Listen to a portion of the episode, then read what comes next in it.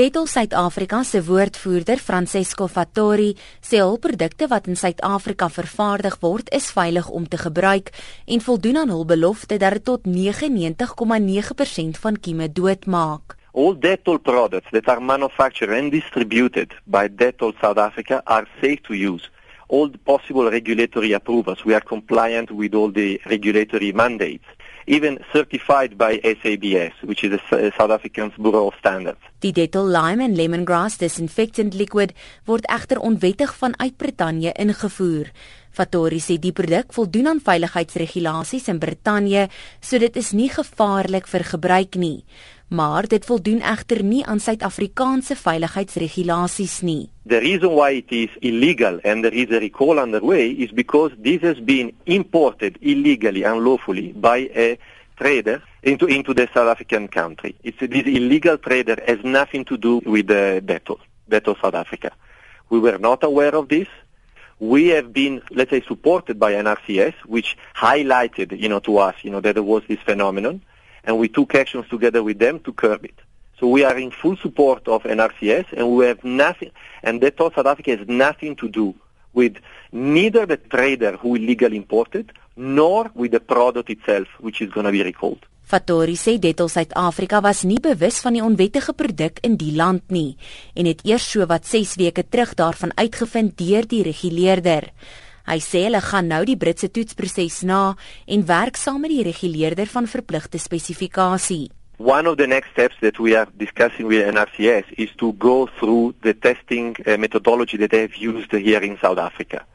Because in the meantime, when we did our internal investigation, we clearly liaised with our colleagues in the UK to understand how the product performs, what are the claims, what are the regulatory requirements that they fulfill, and you probably know that in the UK, actually, uh, regulatory requirements are very stringent. So the product for use in the UK is absolutely safe. Now, what we are trying to understand with NRCS are the testing methodologies to make sure that, you know, all the proper procedures have been followed, you know, in, in the proper way. But on this, I cannot comment at this point in time. Die Britse produk was slegs in 'n paar apteke in KwaZulu-Natal te koop being an illegal import. These things is really like uh, spread in small quantities in in small areas, so it's very difficult also to backtrack, you know, the the, the volumes. Seems to be extremely limited. Fattori sê Suid-Afrikaners sal baie duidelik kan sien dat dit nie 'n Suid-Afrikaanse vervaardigde produk is nie. So all the products needs to basically have a registration number which is always on the back of the product.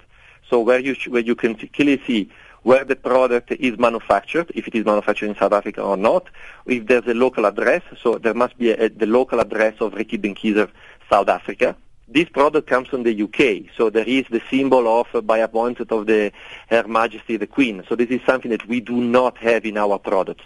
There's no product in the Dettol South African uh, range of products that carries this name. Hy sê die voorval is van die eerste in Suid-Afrika en kom meer voor in die sentrale dele van Afrika. The extent of the problem in South Africa, uh, I have to say, it is relatively small because I think that we have uh, very strong authorities which are monitoring, you know, the markets in a very stringent and very disciplined way. By the way, it's the first time that we have to manage these kind of problems. Outside of South Africa and Africa, this is a, a much more serious problem.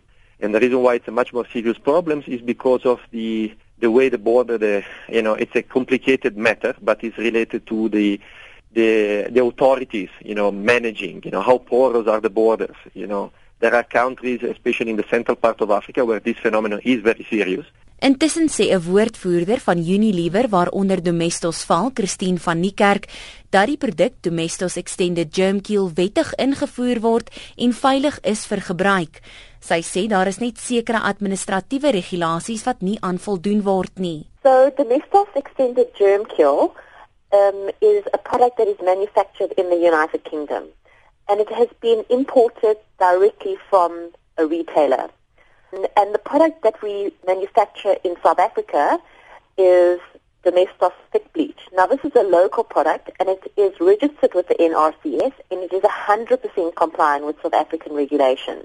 So there is no consumer safety issue with this product, or actually even with the Domestos Extended Germ Kill. It's just that it hasn't registered with the NRCS, so they haven't met the uh, administrative requirements. Hoewel die produk wettig ingevoer is, is dit egter onwettig om te verkoop aan die Suid-Afrikaanse publiek voor dit nie aan al die regulasies voldoen nie. A retailer would would uh, import it directly from um, from the UK, um, and they will um, they haven't registered it with the NRCS, therefore they sh shouldn't be able to uh, sell it within South Africa. Sy sê jy sal onmiddellik die ingevoerde produk kan uitken. You would just see it from the the, the name itself. You wouldn't know because it looks very very similar to the South African product and they are they are going to be recalling it so you shouldn't be able to get it in in store anymore.